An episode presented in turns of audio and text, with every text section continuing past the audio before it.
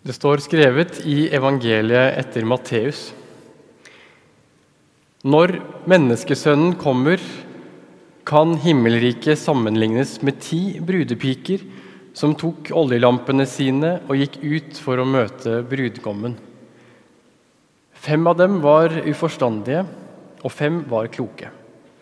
De uforstandige tok med seg lampene sine, men ikke olje. Men de kloke tok med seg kanner med olje sammen med lampene. Da det trakk ut før brudgommen kom, ble de alle trette og sovnet. Men ved midnatt lød et rop, 'Brudgommen kommer, gå og møt ham'. Da våknet alle brudepikene og gjorde lampene i stand. Men de uforstandige sa til de kloke, Gi oss litt av oljen deres, for lampene våre slukner. Nei, svarte de kloke. Det blir ikke nok til både oss og dere. Gå heller til kjøpmannen og kjøp selv. Mens de var borte for å kjøpe, kom brudgommen, og de som var forberedt, gikk sammen med han inn til bryllupet, og døren ble stengt. Senere kom også de andre brudepikene og sa, 'Herre, Herre, lukk opp for oss.' Men han svarte, 'Sannelig, jeg sier dere, jeg kjenner dere ikke.' Så våk, for dere kjenner ikke dagen eller timen. Slik lyder det hellige evangelium. Gud være lovet. Kjære alle sammen. Lignelsen om brudepikene er det lett å bli både provosert og brydd av. For det første kategoriseringen av brudepikene som kloke og uforstandige. Tidligere har jo Jesus snakket om at man i himmelriket skal være som barn. At det er de siste som skal bli de første. Og for det andre de såkalt kloke brudepikene som ikke viser omsorg overfor de uforstandige. De uforstandige mangler olje, men de får ingenting av de som har til overs.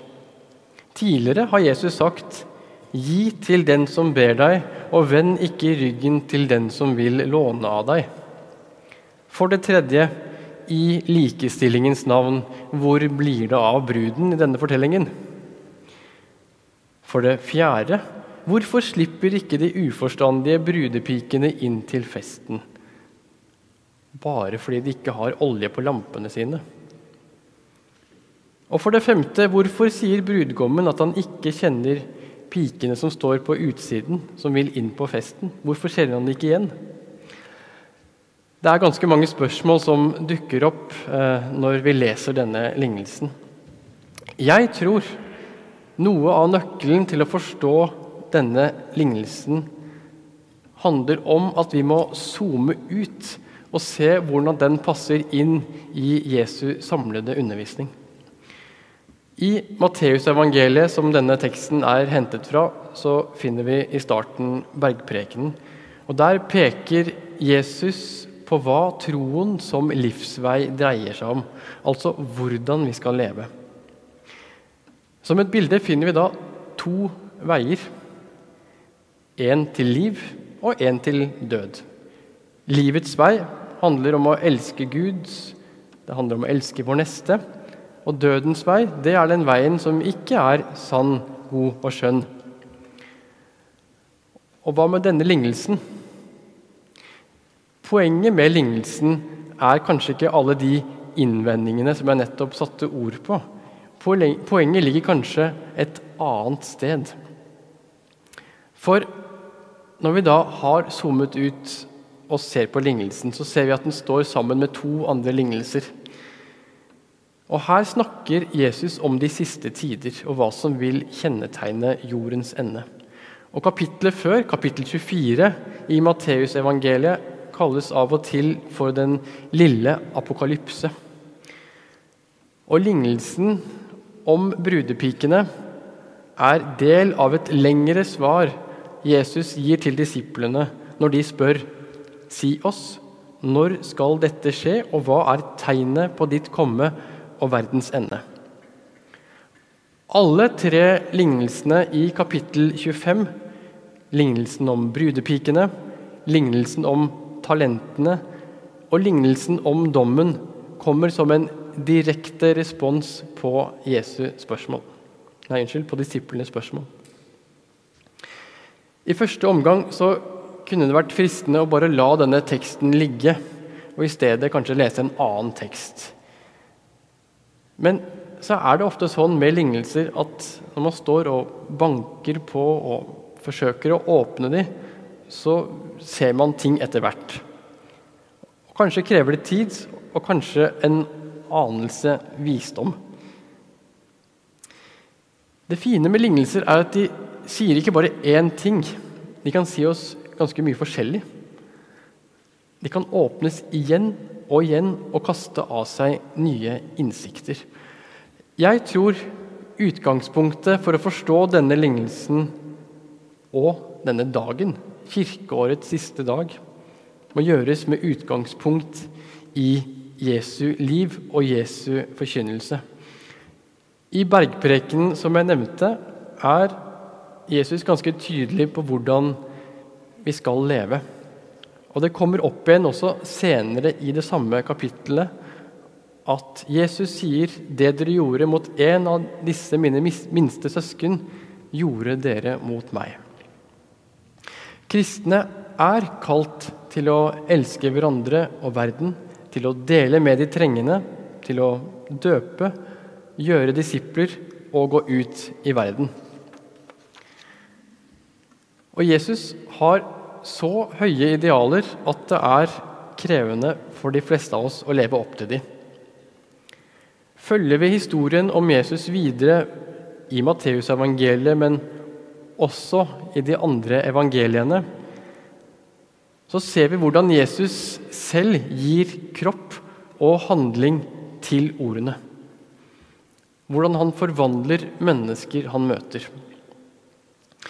Når man først står overfor Jesus, så virker det nesten umulig å ikke la seg berøre på en eller annen måte.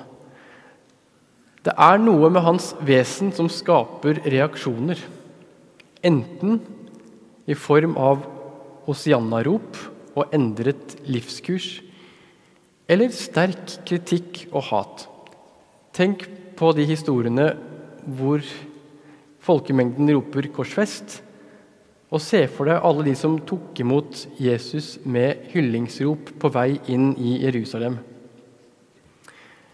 Og I møte med dagens tekst så er det for en del av oss vanskelig å være likegyldig. Ok.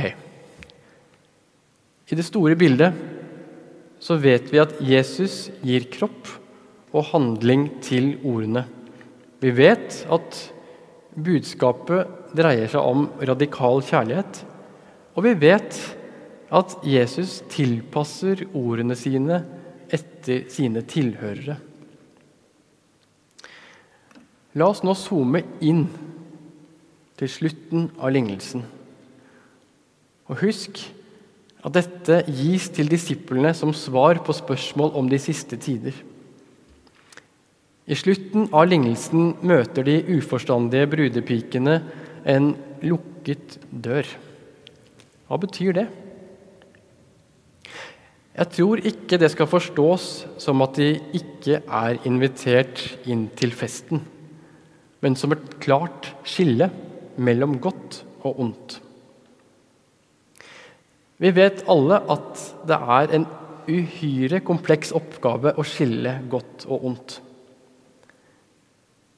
Så bildet av denne døren er opplagt en forenkling av virkeligheten. Ja, faktisk så er det ganske mye ved denne lignelsen som virker usannsynlig.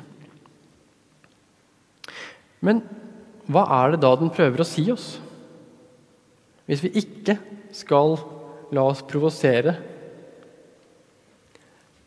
Hvis Jesus er visdommen og da tenker jeg på visdom som innsikt i de dypeste sannheter. Som en grunnstein i kosmos. som innvevd i skapelsen. Hvis Jesus er lyset, hvis han er kjærligheten, ja, da må nødvendigvis mørket vike for, ly for lyset. Visdommen, ren visdom, kan selvsagt skille mellom godt og ondt. Og i møte med visdommen oppstår det en klarhet. Ofte blir lignelsen lest slik at brudgommen representerer Jesus, og brudepikene er kirken. Og det er ikke så dumt. Johannes evangeliet forteller oss at Jesus ikke kom for å dømme verden, men for å frelse den. Dermed skal vi ikke lese lignelsen om brudepikene som om den sier alt det er å si om vårt forhold til Gud. For Gud kom ikke for å lukke døren, men for å åpne den. Jesus har tidligere i evangeliet vist oss hvem han er.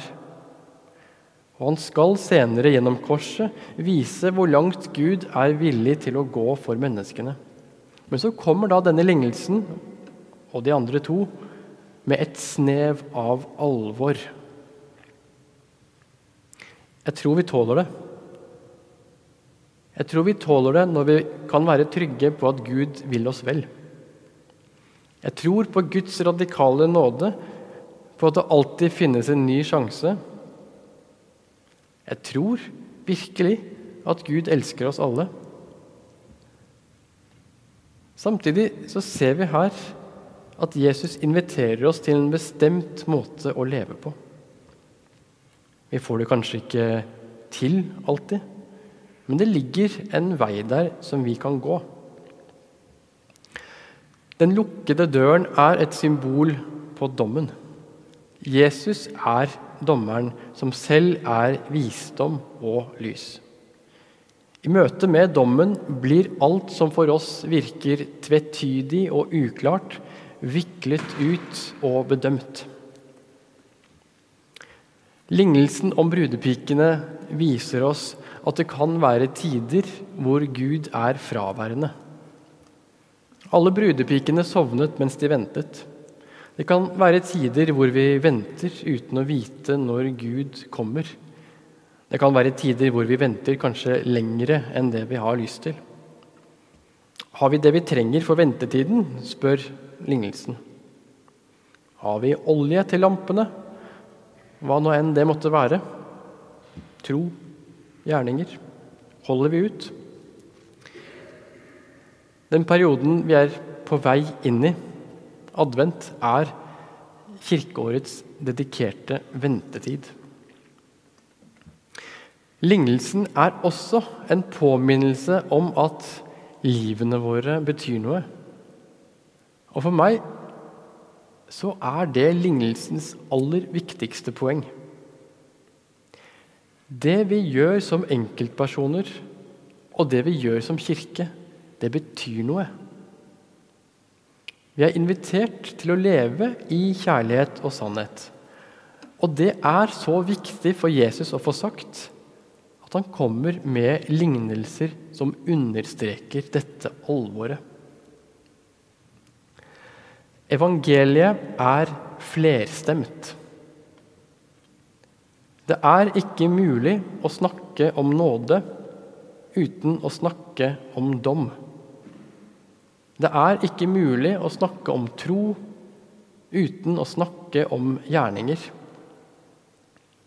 Og det er heller ikke mulig å snakke om kjærlighet uten å snakke om hellighet.